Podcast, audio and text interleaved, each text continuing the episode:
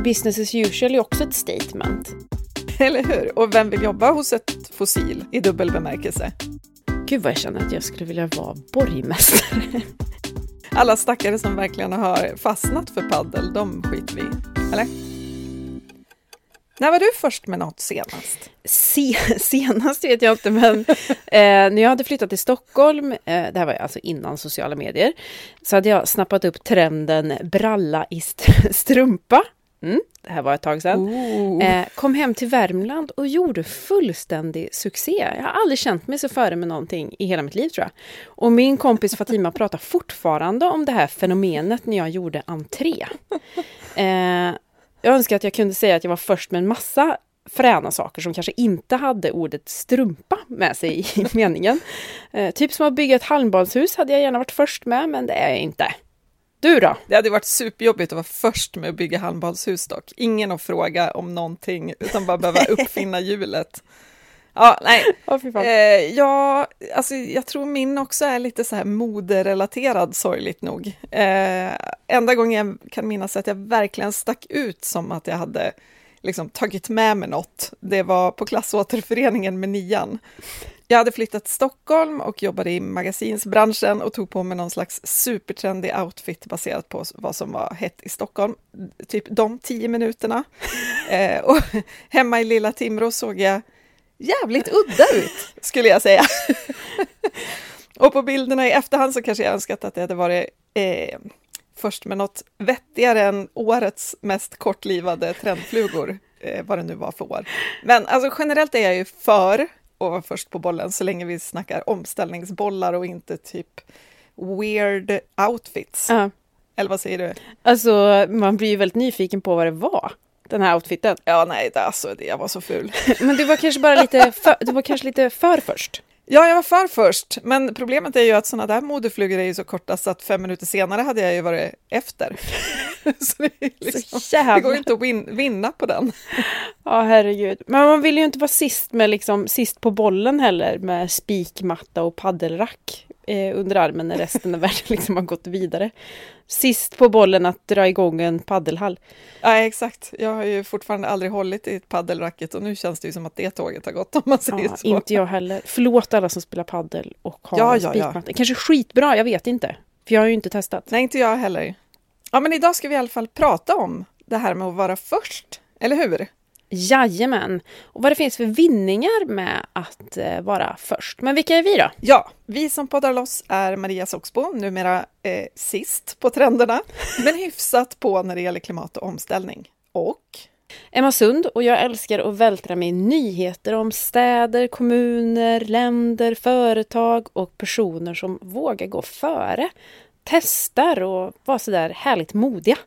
Istället för att ängsligt titta på vad alla andra gör. Mm. Och nu kör vi igång, men först ett klipp. Kriteriet är att man ska resa över 75 mil och då visa upp en tågbiljett efter och då blir man kompenserad med en extra semesterdag. Eh, Det vi har sagt att man ska uppvisa en resehandling, eh, en biljett, att man har tagit tåget. Vad kan ett sånt här initiativ innebära i förlängningen? Ja, men alltså det är jätteviktigt att vi som arbetsgivare också kan vara med och bidra till eh, våra medarbetare, att de också ser att man kan vara klimatsmart och klimatmedveten även privat och inte bara på jobbet. Innebär eh, inte det här en merkostnad för företaget? Det blir såklart att du får en extra semesterdag men också att du är en attraktiv arbetsgivare som också kan erbjuda dina medarbetare och kunna resa mera klimatsmart. Det där var ett klipp från SVT som handlade om ett bostadsbolag i Strängnäs som hamnade på nyheterna efter att de hade börjat erbjuda extra semesterdagar till anställda om de valde tåget. alltså så smart. Eh, Och vi kanske ska säga också att de var ju faktiskt inte först med att införa det här. MTR, tågbolaget, har ju kört den här eh, anställningsförmånen ganska länge. Det ligger nära till hans 50 Ja, det ligger ganska nära till hans. Kanske ligger lite i deras affärsmodell också. Eh, och intresse. Men jag tror att det här bostadsbolaget var kanske en av de första i alla fall som, som inte var tågrelaterat. Så att de fick ju en jädra massa PR på det här. Syntes som sagt på nyheterna och i tidningar och, och kammade hem en jäkla massa vinningar av det här. Dels PR-mässigt då såklart, men också att de blir en sån goodwill, eh, goodwill-företag som vill göra skillnad för klimatet och förmodligen också en attraktiv arbetsgivare. Ja, och såklart minskade utsläpp. Ja, Bara en sån sak. här räckte det ju med att vara en god tvåa då efter MTR, men kanske inte en 73. Då hamnar man nog inte på nyheterna tänker jag. Nej, exakt. Då får man ju göra en, en, ta ett, ännu ett steg såklart för att få PR. Ja. Men obs, det är superbra ur anställningssynvinkel fortfarande att vara nummer 3 till 73 också. Ja, Jobbar man inte inom bostadsbranschen så vill man ju jättegärna jobba kanske hos ett försäkringsbolag som erbjuder extra semesterdagar för tågresor eller liksom ett klädföretag eller vad som helst. ja men precis. Och idag ska vi alltså prata om vinningarna med att vara först eller god tvåa. Funkar också. Ja. Trea också kanske. Precis. Men, men inte sist på omställningsbollen. Och här skulle jag vilja backa bandet till paddelhallarna igen. Först och främst, förlåt. Eh, Men också, här finns det ju enorm potential med att vara först. Kanske första kommunen som gör om alla paddelhallar till cirkulära gallerier. Mm, du tänker så. Alla stackare som verkligen har fastnat för paddel, de skiter vi. Eller? Jag tänker att det kanske står många paddelhallar tomma. Ja, det är sant. När flugan har flugit förbi, Precis. så att säga. Och så finns det ju typ åtta i varje stad numera. Så att det kanske räcker med en återbruksgalleria. precis. Eller sju och en paddelhall. Ja. Men jag, jag har funderat lite på det här med att vara först. Alltså Sverige anses ju ganska ofta ligga i framkant. Mm. Kanske inte allra först, men vi har ju en tendens att klappa oss på ryggen, axeln, var man nu klappar sig. Överallt känns det som att säga. Sverige klappar sig just nu, ska jag säga. Exakt. Så jävla bra känner vi oss. Precis, och tycker att vi är liksom, vi är fan bäst på källsortering och allt vad vi är bra på. Och då tänker jag att vi just nu kanske är först med något helt annat ändå, nämligen att riva upp våra klimatframsteg och släppa ut mer. Det känns ju kanske inte lika fräscht, PR-mässigt inte lika effektivt. Eh, Nej, och det kanske är ingenting som Sverige skryter med så jättemycket. Löpsedlar får vi Ja. ändå. Internationella liksom, rubriker får vi för att vi är så motvalls just nu. Så att vi är så först med att vara sist. Ja, Gud vad härligt. Bo i ett land som är så efterkälksland.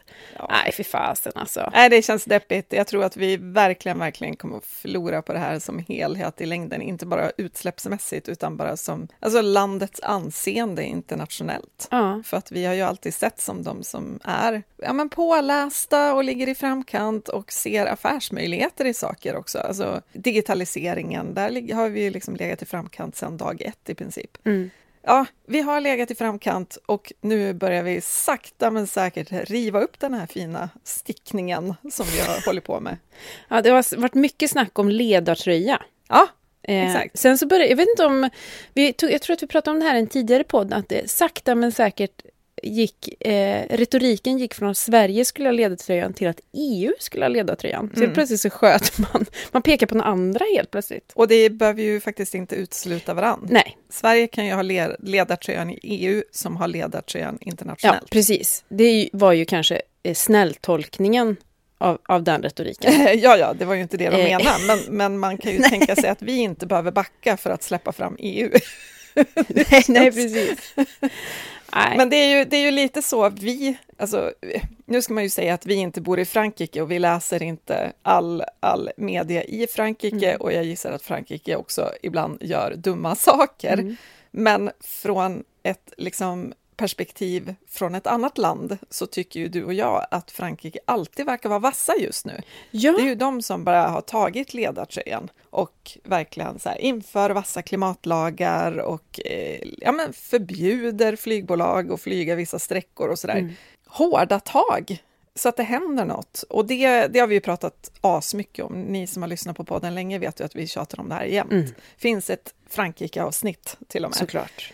Eh, vi är inte alls frankofiler. Inte alls. Inte alls. Men det, jag tycker att det är ju så häftigt. Alltså jag får ju så lust att bo i Frankrike, för jag skulle känna mig så stolt. Ja, också att de är så, de är så kaxiga också i sin försthet, Ja, ord. i att så här, ja men vi skiter att EU ligger efter. Vi, vi, det här, den här liksom satsningen kanske går liksom eh, stick i stäv med, med eh, vad EU har beslutat, men det skiter vi. EU får följa oss istället. Ja, exakt. I don't care about your eh, climate-satsning. Nej men alltså, det, alltså jag tycker att det är, det är så kaxigt och det är precis den kaxighet vi behöver i omställningen. Någon som bara skiter och, i och bara går sin egen väg. Ja, verkligen. Och också alltså, den farten det kan innebära. Det känns också, mm. jag antar att de utreder saker innan de beslutar, men det känns ju typ knappt som att de lägger tid på det. Utan det är mer bara, ah, bra idé, det gör vi. ja, vilket härligt möte. Det känns ju som att motsvarande grej i Sverige skulle utredas i ja. åtta år, liksom, och vi skulle hinna byta regering tre gånger under tiden. Mm. Det mötet hade jag gärna velat vara på. Det franska alltså, inte det, det franska där vi bestämmer oss för att skjuta på allting i åtta år. Nej, Nej. inte det svenska. Nej, men det här är ju, jag tycker ju det generellt också, som jag sa, jag får så lust att flytta till Frankrike. Och det känns ju som att det är ju så man ska tänka både som land och som region och kommun. Att det kan bli framtidens konkurrenskraft. Mm. Vi har ställt om. Här är det lätt att göra rätt. Här kan du bo och eh, liksom leva inom planetens gränser. Mm. Här finns företagen som är framtiden, för de vill vara en region som går före och så vidare och så vidare. Det känns ju som att det är ett självspelande piano bara man kommer igång med det här. Ja. Då kommer ju folk flytta dit och det är många kommuner i Sverige som verkligen, verkligen behöver inflyttning.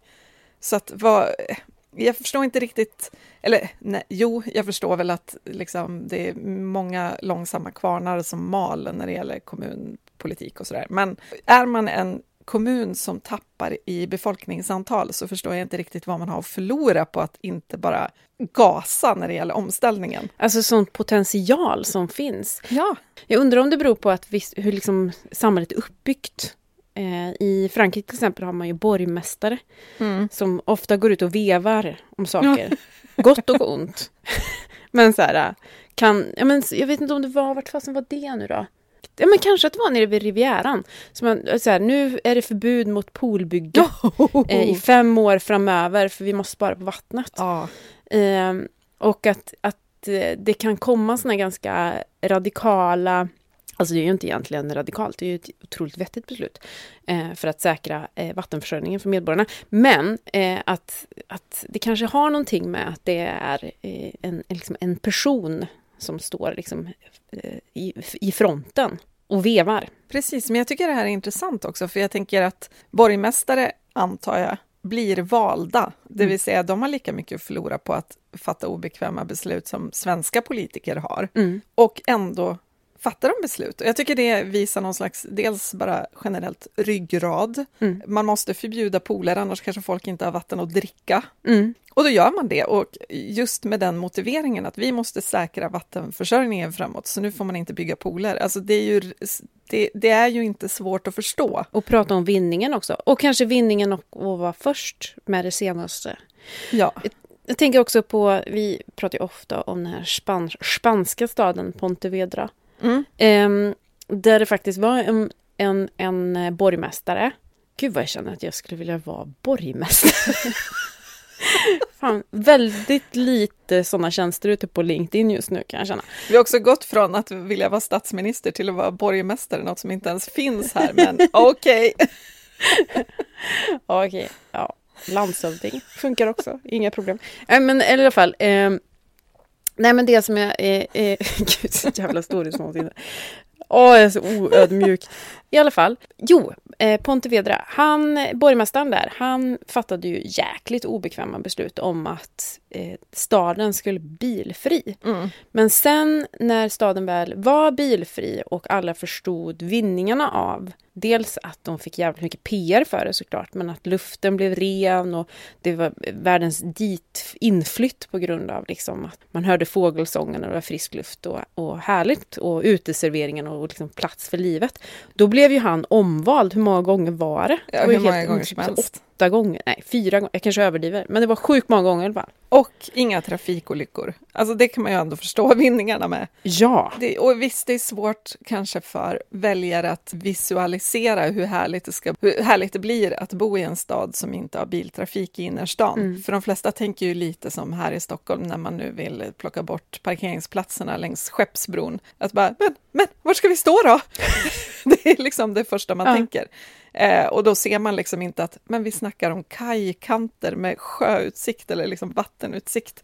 Det vore kanske ganska härligt att sitta där, Eh, inte i bilen, utan på en uteservering. ja. Ja, så att, men, men det är någonting med dels, det har vi också pratat om förut, att, att det kanske behövs mer visualiseringar av målet för att folk ska ställa sig bakom obekväma beslut. Mm. Alternativt då som med det här poolförbudet, att man verkligen måste förstå att ja, men antingen har vi en pool att bada i eller så har vi vatten i kranen att dricka och laga mat med. ja. Då kanske man ändå förstår att okej, poolen kan vänta tio år, det är lugnt. Eller gemensam pool kanske. Alla kanske inte behöver ha en egen. ja, herregud. Ja. Plus Rivieran. Jag vet, ett annat ställe man kan bada.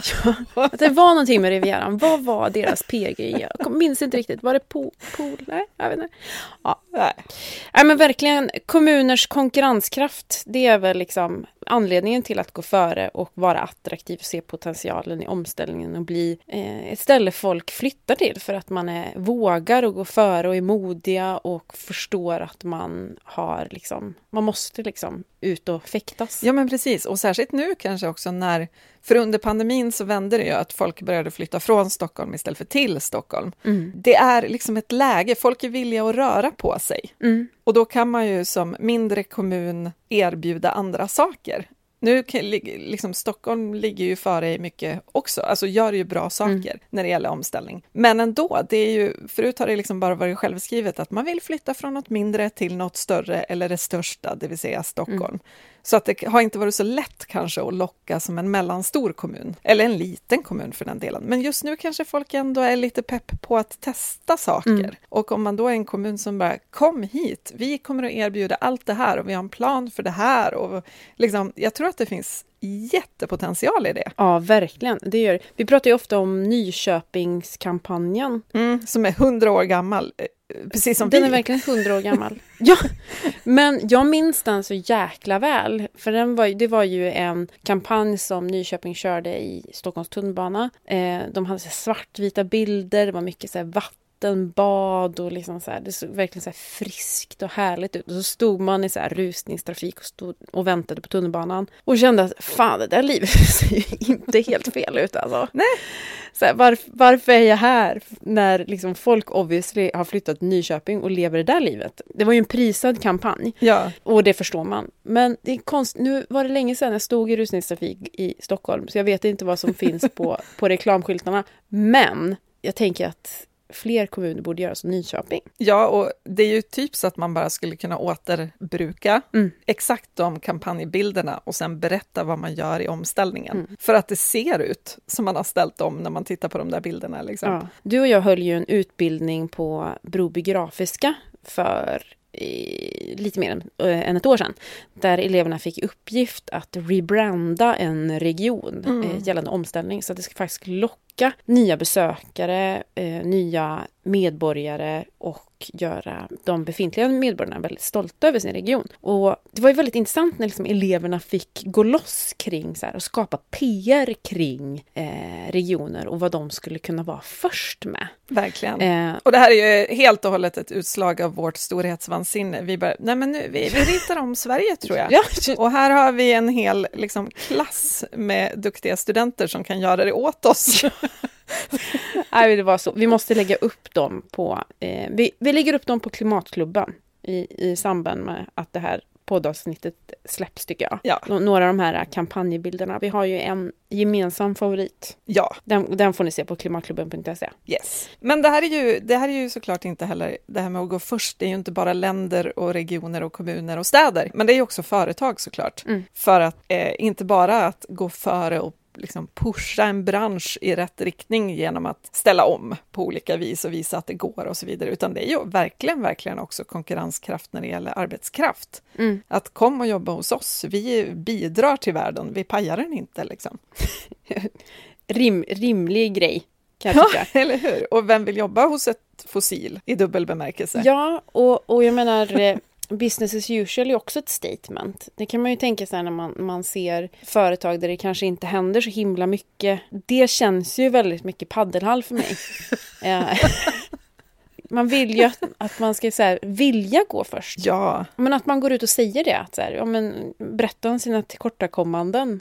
Och säga så här, men vi, är vi är långt ifrån målet, men vi vill. Eh, vi vill så himla gärna och gör allt vad vi kan nu för att, för att ställa om. Jag ska inte säga att det är good enough, men det är en jäkligt bra början. precis. Nu fick jag någon konstig liknelse i huvudet med mobbing. Ska jag dra den eller? Eh, yes, please. Nej, men jag tänker just på det här med företag, att, att det finns ju liksom tre vägar att, att gå. Det finns den att, att gå före och ställa om och verkligen göra ansträngningar till att liksom bli ett företag för framtiden.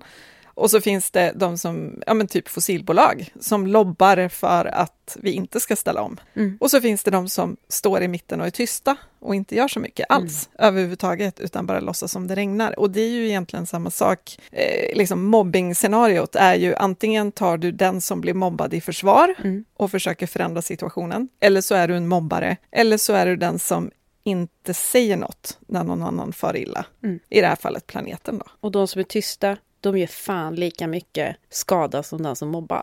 Det vet vi Ja, ju alla. ja, Så exakt. mm, stå upp och eh, gå före. Visa vart eh, det vettiga skåpet ska stå.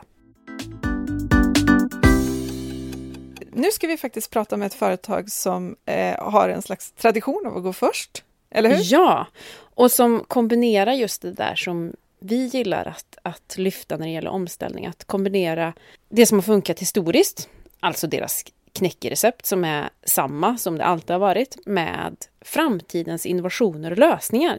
Det är så härligt att se ett traditionellt familjeföretag eh, som gör knäckebröd på samma sätt som man alltid har gjort, som går i bräschen när det gäller innovationer och idéer. Sånt gillar man ju. Och nu tänker alla, vad är det för knäckebrödsföretag? Ja. Låt mig presentera Leksands knäckebröd. Ja!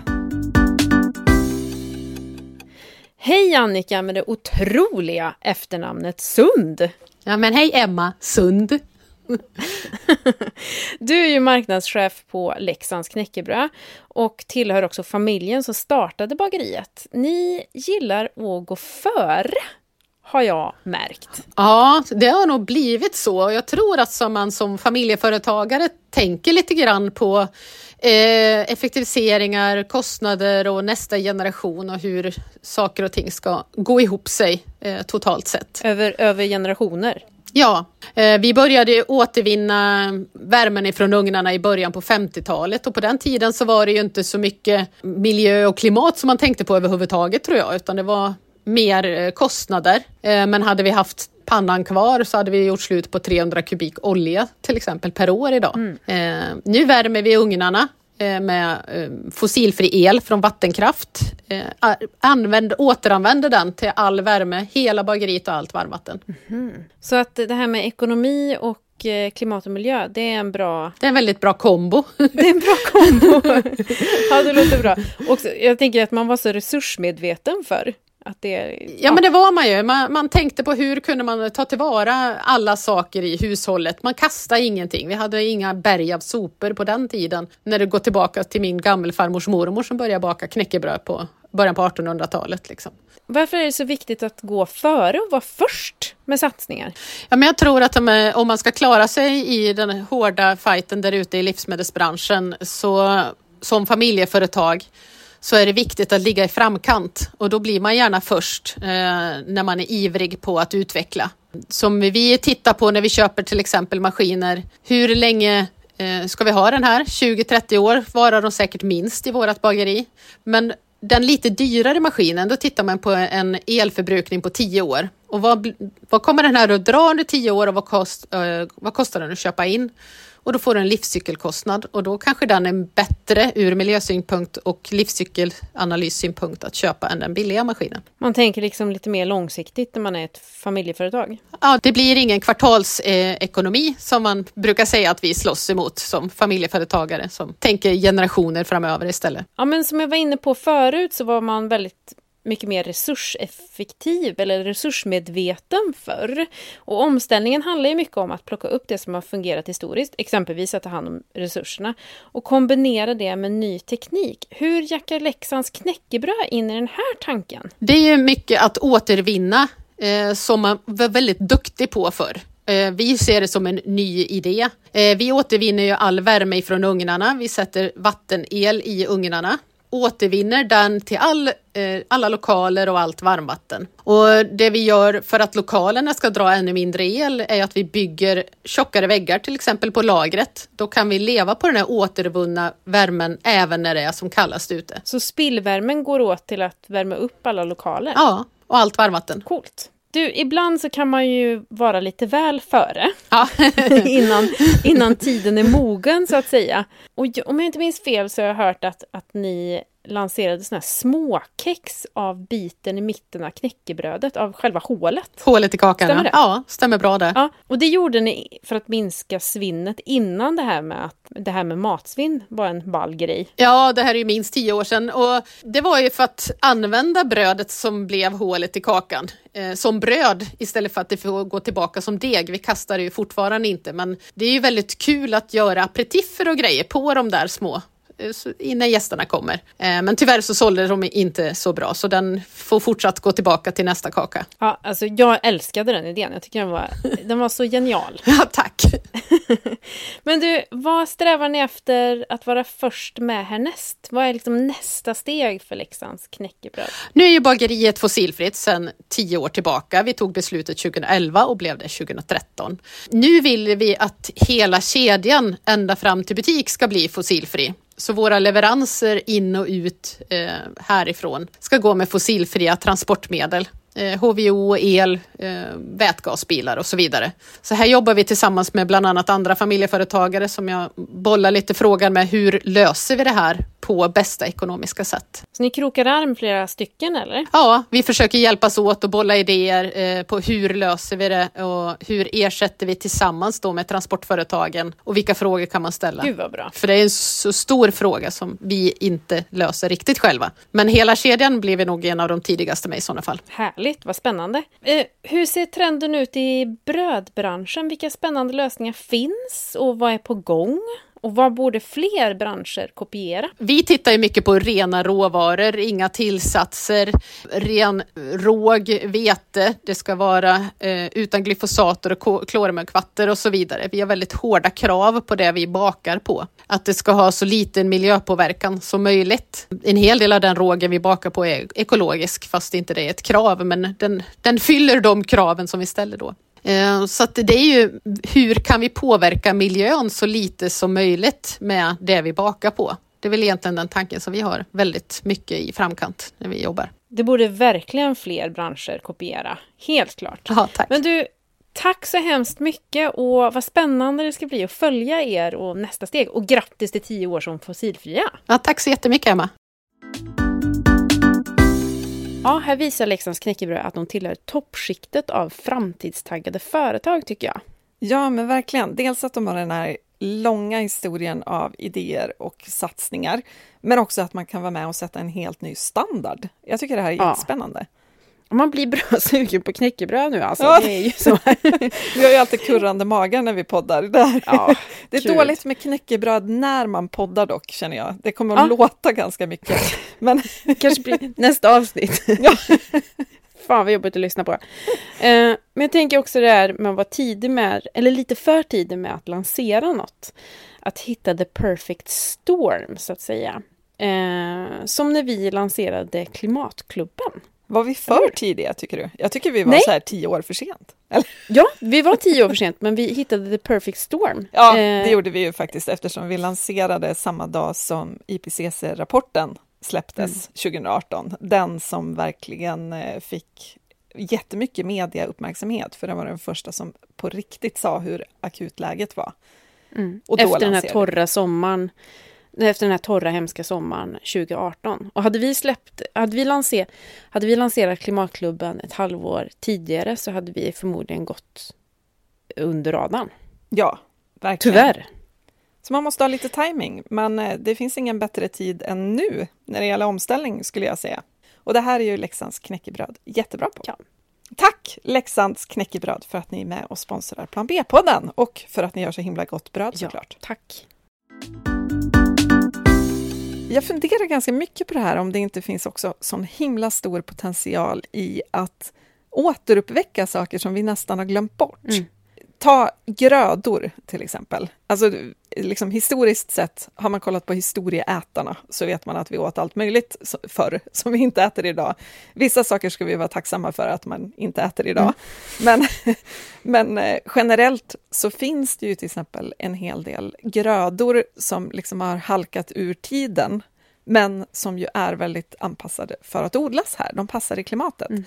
Och det finns ju sån potential kanske i att gå först och bara bli den storskaliga odlaren av gråärtor, eller vad det nu må vara. Nu när det liksom finns en trend att folk äter mer vegetariskt och att eh, vi behöver mer svenskproducerad mat och vi behöver mat med lågt klimatavtryck och allt det här. Jag bara, liksom, kommer det inte en boom snart av det här eller? Ja. Nu trendspanar jag hej vilt. Jag hoppas ju också att normen blir någon annan i att vi har som sagt varit väldigt taggade på att allting ska vara nytt, eller att nya innovationer är liksom det bästa vi kan tänka oss. Mm. Och då kan det gälla allt från så kemikalier till liksom så här, ja men allt, det ska ha den här jätteskitiga, jätteohälsosamma beläggningen för att det är liksom cleant.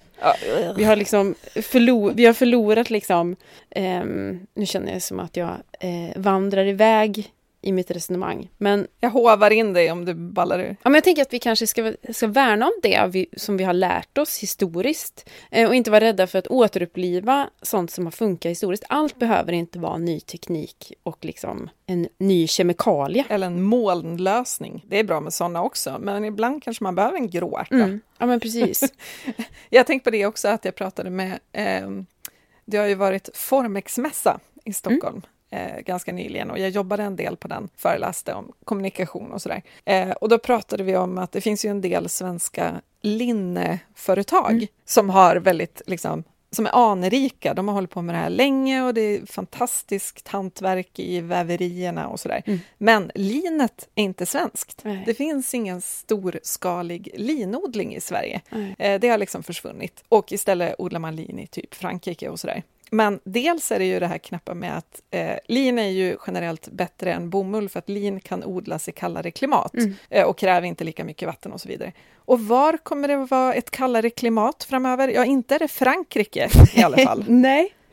Det, Så att det här är också en sån här grej att så här, var på nu då Sverige. Mm. Se till att liksom starta upp det som faktiskt tyvärr kommer att bli närmast omöjligt i andra länder snart. ja, verkligen. För det blir ju varmare här också, så att det, är ju, det är ju inte givet att allt funkar här heller hur länge som helst.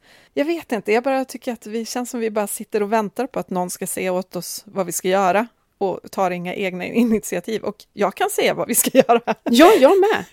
Jag har massa idéer på företag som jag vill starta om någon känner så här, vill ha en idé också. Ja, eller hur? Jag, jag bara ser så mycket roliga saker som vi skulle kunna göra på svensk mark, men som Ja. ingen gör. Varför, varför ger inte regeringen oss en egen budget på några miljarder och lite staff? Åh gud, det här är verkligen inte alls avsnittet om att vara först, det är avsnittet om, om att vara helt storhetsvansinnig. Men ja, ja. Det, Men är det inte det som behövs då? jo, För att, att, liksom, att, att omställningen ska få fart, att man tror på idéer och att man har, så här, det här måste gå, det här borde gå eh, att genomföra. En viss nytta av liksom så här, naivitet. Ja. Jag tror det var Gert Wingård som sa att om det liksom inte fanns den här typen av människor som är liksom, eh, naiva och kanske inte har liksom, full koll på hur lång tid saker tar, så kanske vi inte skulle ha sett så här, Sydneys konserthus eller skyskraporna eller Eiffeltornet. Man behöver folk som så här, kanske inte har alla hästar hemma som, som du och jag. bygga kinesiska muren, hur svårt kan det vara? Man behöver folk med storhetsvansinne och som är naiva och liksom vågar och testa och nyfikna och ja. Ja men verkligen, och det är ju liksom inte heller, jag menar, just att odla något som tidigare odlats till exempel. Mm. Alltså det är ju inte, det är ju inte rocket science, utan det är ju bara att, jaha det går, det Mm. vet vi redan. Ja. Så då handlar det ju mer om, om skicklig marknadsföring Och det kan man lösa. Det finns det människor som kan. Mm. Någon som verkligen kan det här med hur man marknadsför en gråärta, höll jag på att säga, men någon som verkligen kan det här med att marknadsföra saker generellt, att vara kreativ och ja, men skapa PR kring helt olika saker, det är ju vår kompis Gustav Martner som är kreativ chef på Greenpeace. Och han är inte bara chef och kreativ, utan han är också gammal reklamare, kan typ allt om marknadsföring. Mm. Och supervettig. Supervettig, jätterolig, allmänt briljant person. Eh, Ja. Jättetrevlig. Alla borde ha en Gustav. Ja. Eh, och jag har pratat med honom om just det här med att gå först. Vad är vinningarna med det? Ska vi lyssna? Ja, Hej Gustav! Tjena! Du, du är ju liksom superreklamaren som bytte sida och numera jobbar på Greenpeace. Mm. Jag är ju himla nyfiken på hur du använder dig av dina reklamskills i klimatkampen. Ja, alltså det är väl typ de enda skills jag använder för jag kan nog inte så mycket annat. Men eh, egentligen så ska jag svara på den frågan mer och som prata om miljörörelsen för att om man tittar på hur miljörörelsen ser ut idag så, eh, så har den ju vuxit fram ur den kreativa revolutionen. Ehm, och om man ser då på ja, slutet av 60-talet, eh, porträtterat till exempel den här tv-serien Mad Men och så, så startas faktiskt eh, Friends of the Earth och Greenpeace nästan exakt samtidigt. Och precis samtidigt så kom hela den här kreativa revolutionen, Vietnamrörelsen, eh, counterculture, alltså motkultur, där människor börjar protestera och populärkulturen växer fram. Och eh, eh då, då kan man se liksom att eh, eh Friends of the Earth och Greenpeace de anammar ett antal metoder som också används av reklambranschen när de eh, börjar rädda skogar med hjälp av tidningsannonser där folk kan klippa ut en kupong och skicka till en politiker och så vidare. Eh, så därför så är det ju lite så att är man reklamare och kan de eh, grejerna så brukar man passa ganska bra i den eh, moderna miljörörelsen för man använder sig av utav en kombination av traditionellt eh, politiskt arbete med remissvar och debattartiklar och eh, lobbysamtal och så vidare. Men också utav den här mer kreativa sidan som används i eh, populärkultur och reklam. Man, man kan rädda valarna både med eh, en debattartikel eller en dikt om hur det är att vara val så att man får liksom känslor inför de här vackra djuren och så vidare. Det är den moderna miljörörelsen. Så därför så passar man ganska bra där om man är reklamare som, som jag har varit. Men du, i det här avsnittet så snackar ju vi om just det här att gå först, att våga gå mot strömmen, bana nya vägar, Mm. oavsett om man är privatperson eller företag eller kommun eller till och med ett land. Och om du då har reklamglasögonen på, vad är de största vinsterna med att ta risken att gå först? First movers advantage brukar man ju prata om att uh, det, det finns mycket att vinna. Man kan bli känd för att man gör det. Uh, alltså det, det finns liksom ett självändamål. Folk tenderar ju till att vara intresserade av nya saker. Uh, det, det, det är på något sätt en Eh, verkar vara inbyggt i, i människans liksom, genetik nästan, att uh, intressera sig för någonting man inte har sett förut. Um, och det, det, det tror jag är väldigt grundläggande. Jag tror att det är någonting som, som kommer med liksom, hur vi är konstruerade som eh, biologiska varelser. Att uh, när vi ser någonting i vår livsmiljö som vi inte har sett förut så blir vi intresserade. Så att, att göra någonting nytt, det, det har liksom ett eh, egenvärde som eh, är värt att eh, söka efter. Eh, och i sin enklaste form så kan man ju då ta till exempel att eh, ja, men den som är till exempel först med att införa ett eh, fossilreklamförbud, eh, nu, nu blir det Stockholm då som gör det. Det är klart att eh, det är bättre att vara Stockholm än att vara eh, stad nummer fem som införde ett fossilreklamförbud. Om du förstår vad jag menar. eh, samtidigt så är det ju såklart jobbigt att vara den som är först för att det är ju den som är först som får ta alla eh, liksom konsekvenser av att idén kanske utmanar någonting och eh, kritik och så. Um, om vi minns till exempel dokusåporna så fick ju Robinson jättemycket kritik Eh, och det var nog inte lätt att vara den som eh, var programchef på SVT. Och sen så några år senare så, så är liksom dokusåpaformatet etablerat som, som någonting man absolut kan göra på massa olika sätt och det är ingen som kritiserar dig för att du startar en dokusåpa längre. Liksom. Och det är väl sådana saker som, som ofta är för och nackdelen med att vara först. Du har mycket att vinna men du utsätter dig också för mer eh, risk för kritik och juridiska konsekvenser. Och så. Just det. Men om man tar på klimatglasögonen snarare än reklambrillorna då, vilken betydelse har de som mm. går först? Alltså typ länder som inför vassa klimatlagar, företag som ställer om först och så vidare. Vad har de för betydelse för hela klimatkampen, tror du? Ja, de har ju en enorm betydelse. De, det, blir, det, det är de som, det betyder ju allt. För när någon har gjort det, då är det som att man har flyttat det här eh, så kallade overton window. Alltså man har flyttat vad som är möjligt. Eh, det, det, är ju liksom lite Greenpeace vinkel eh, jämfört med många andra organisationer så, så har ju vi vår strategi att eh, försöka flytta det så kallade overton window då och det är alltså eh, overton window för de som inte känner till begreppet. Det är alltså det så kallade alltså det konceptuella fönster eh, inom vilket vi människor ser att något är möjligt. Eh, om vi sen säger så här, ja men eh, vi ska, eh, Eh, jag vill bo på Mars, kanske någon sa för eh, 20 år sedan. Det låter ju som ett barn som pratar. Och sen så eh, kommer det en massa innovation och grejer och sen så händer det en massa saker och så kan man ju då säga att idag så, så är det en realitet som diskuteras att kolonisera Mars. Då har man ju flyttat Overton Window då för den idén att kolonisera Mars. Sen om det är sant eller inte, det är liksom inte Alltså huruvida det kommer gå, vilka kostnader, är det bra eller dåligt? Det är liksom eh, en senare diskussion eller en, en, en diskussion en nivå ner. Men vad vi kan konstatera är att du behöver inte skämmas om du till exempel söker pengar ifrån ett eh, forskningsinstitut. Att du säger jag vill forska på att kolonisera Mars. Men för 20-30 år sedan så hade någon sagt ja, men då kanske du ska starta en serietidning istället. Så att säga. Och det är att flytta the overton window. Och när de som går först, de flyttar the overton window. Och jag upplever till exempel då att eh, alltså i våra kampanjer eh, så, så, ingår det som den här grundläggande eh, basen för kampanjen. Det är hur flyttar vi the overton window för vad som är möjligt. Och eh, i den, eller i den eh, kampanjen för Greenpeace som jag själv har varit väldigt aktiv i och som jag refererar en hel del till, det är ju det här Fossil Adban. När vi kom med idén att man skulle kunna förbjuda fossilreklam.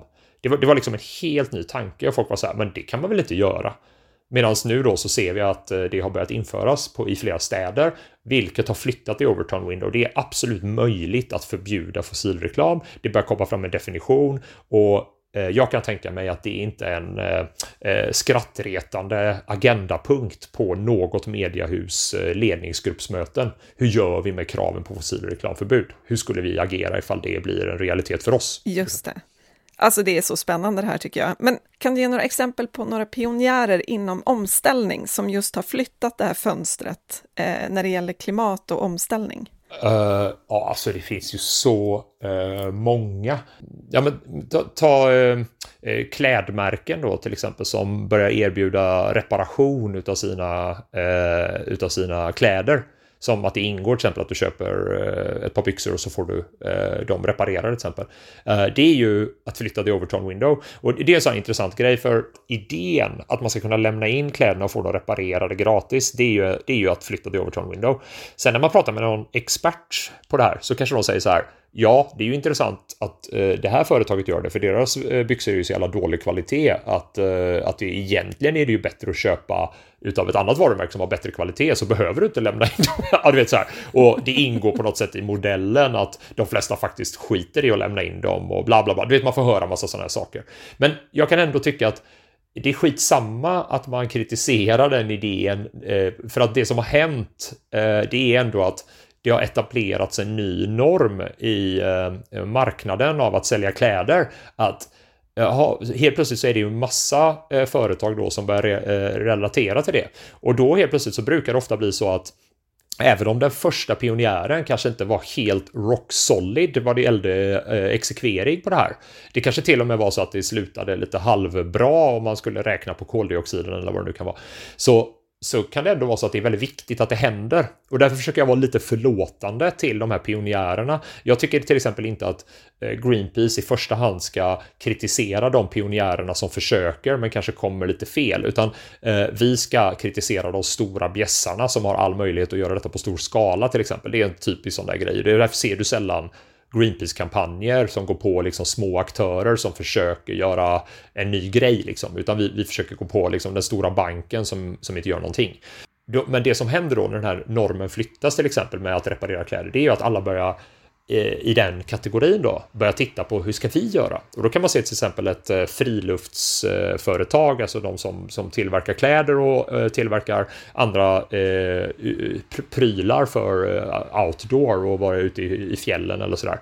Då kanske de börjar kombinera att du kan hyra eh, utrustning istället för att sälja.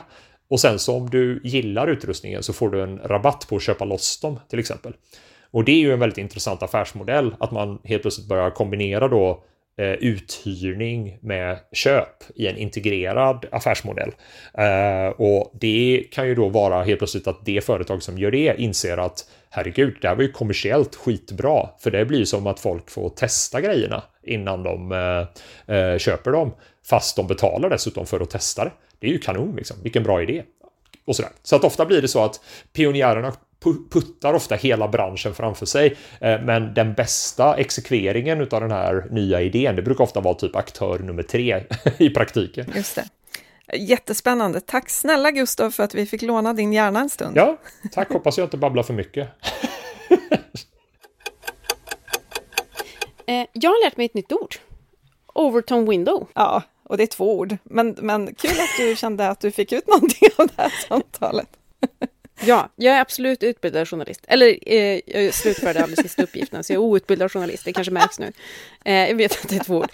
Men gud vad bra han är, Gustav. Ja, fantastisk. Man vill bara sitta och lyssna och lyssna. Ja. Och jag tänker på hur viktiga alla är i omställningen. Alltså alla bär ju en roll att lyfta på locket och skapa nya och skapa nya normer. Det, det, och det är väl det man gör när man går först också, att man liksom visar att en norm inte inte behöver se ut som den alltid har gjort, utan vi skulle kunna ta ett, allihopa ta ett steg till vänster eller höger eller rakt fram, inte bakåt. Hallå regeringen! Ska vi, ska vi bara dra några snabba exempel på sådana som vi tycker har gjort en insats genom att gå först? Ja, men eh, ska jag börja lista sådana som har gått före då och imponerat? Mm. Mm. Då skulle jag, då, nu tror du att jag kommer lista Karlstad, men det kommer jag inte göra. jag kommer säga Eskilstuna kommun. Mm -hmm. För att de var först i världen med att dra igång en återbruksgalleria. Ja, alltså hatten av. Ja, det mötet skulle man vilja vara med på också. Ja. Där de bara, vi kör. Alltså det måste varit så många ja-sägare på det mötet. Att våga göra någonting som ingen annan har gjort och också bli världsberömd ja, för sin satsning med Retuna. Ja, så jävla imponerande. Och nu, nu har vi ju ett gäng återbruksgallerier runt om i världen faktiskt. För Eskilstunas räkning så gäller det väl också att lite inse att man inte kan leva på gamla meriter, för nu utvecklas ju konceptet återbruksgalleria också. Mm. Man tar det bästa från Retuna och så adderar man lite nya coola saker och så gör man paketeringen på ett annorlunda sätt och så vidare och så utvecklas allt och blir bättre och bättre och bättre. Så nu gäller det ju kanske för Retuna då att se till att fortsätta ligga i framkant. Ja, och eh, jag ska också säga så här, om ni hör konstiga ljud i bakgrunden så är det två kattungar från det här sot som jag, som jag bedriver här på lands, den värmländska landsbygden. Du är först med zoo i den delen av Karlstad kommun. Ja. ja. Eh, nej men det jag vill säga också, det, och det här, nu kopplar jag an till Sverige som land, i att vi har varit just duktiga på att liksom klappa oss på axeln, ryggen, allt, överallt klappar vi oss. Eh, och liksom har varit trygga i att vi har varit först, men vi har liksom inte förvaltat det. Vi har inte fortsatt vara först. Nej. Och det är också viktigt när man är först. Ja men verkligen, och det här är ju sån... Gå före. Det, precis, och det här är väl det som vi borde vi inte göra ett avsnitt typ om alla företag vi tycker borde starta till exempel? Alltså, eh, jo. Här kom storhetsvansinnet inrullande igen känner jag, en, en andra andningen. Men jag tänker bara att så här, du och jag pratar ju så ofta om varför finns inte det här? Varför finns inte det här? Ja. Och det finns ju så mycket man skulle kunna göra eh, som företagare, tror jag genom att ja, men antingen plocka upp gamla grödor som borde odlas, men också liksom bara generellt den typen av idéer som Retuna var. Mm att bara göra det, göra någonting möjligt, göra en samlingsplats möjlig och så vidare. Mm. Det här, vi, vi är otroligt odrägliga i det här avsnittet, för det är som att vi Ja, sitter på alla lösningar och vet bäst. Jag ber lite om ursäkt för det, men vi kan väl konstatera att vi har tankat lite ny energi under sommaren och den häller vi ut i det här avsnittet. Ja, får jag nämna Karlstad kommun? Ja, För att jag vill ändå liksom säga att vi var ganska duktiga, alltså, och, förlåt odrägligheten, men eh, jag tycker ändå att vi var ganska duktiga som drog igång ett elevborgarråd först i världen. ja men precis. Alltså så himla viktig satsning. Eh, som alla borde kopiera. Men Karlstad var först med elevborgarråd för klimatet. Och vi har ju också gjort ett avsnitt om det. Precis, som jag Som man tycker kan man lyssna på. Precis, och det här vill vi ju egentligen, alltså så här, nu vill vi att Sverige är först i världen med att låta alla kommuner ha ett elevborgarråd. Mm. Så det behöver man ju inte känna att jag är kommun 23, så det går inte, utan jo, alla kommuner ska göra det här. 73 går också bra. 73. Ja, ja, ja, gud ja, verkligen. Typ 73 va? Ja, men det här är ju bara några exempel på hur man kan gå först som kommun och sen finns det ju såklart jättemånga exempel på hur företag går först. Det var vi inne på det, med det här bostadsbolaget i Strängnäs till exempel, Mm. eh, som inte var först då, men som var först inom sin bransch kanske, med att erbjuda extra semesterdagar. Så att, alltså, alla där ute som har någon möjlighet att påverka saker, var inte rädd för att göra något som inte har gjorts förut. Jag tror att vi har så himla mycket att vinna på det och framförallt potentialen i att skapa PR och liksom, ja, men bara uppväcka folks intresse Mm. är ju enorm i det här. Vi är ju sugna på nyheter. Liksom. Ja, och, och eh, kan man inte vara först så kan man vara bäst. Ja, Alltså jag tänker på det här med att, att faktiskt kopiera någons idé som var jävligt grym. Credda, det ska man göra. Men också så här, men göra den ännu bättre, förfina den och liksom så här, lära av misstagen. Eh, ja, som sagt, eh, kopiera, copy with pride. Copy with Pride, det har vi också gjort ett avsnitt om. Ja, precis. Vi har avhandlat allt. Ja, snart så. Men det kommer Ja. det här bonusavsnittet om företag vi borde skapa. Kanske inte vi, utan några andra. Men det måste vi ju göra, det avsnittet, eller hur? Ja, företag som vi vill se, som behövs. Exakt. Ja, Mm. nu ska vi runda av i alla fall, för nu har vi pratat jättelänge igen. Ja. Och jag vill vara först med att runda av. Vi var först med att säga då, hej då! Hej då!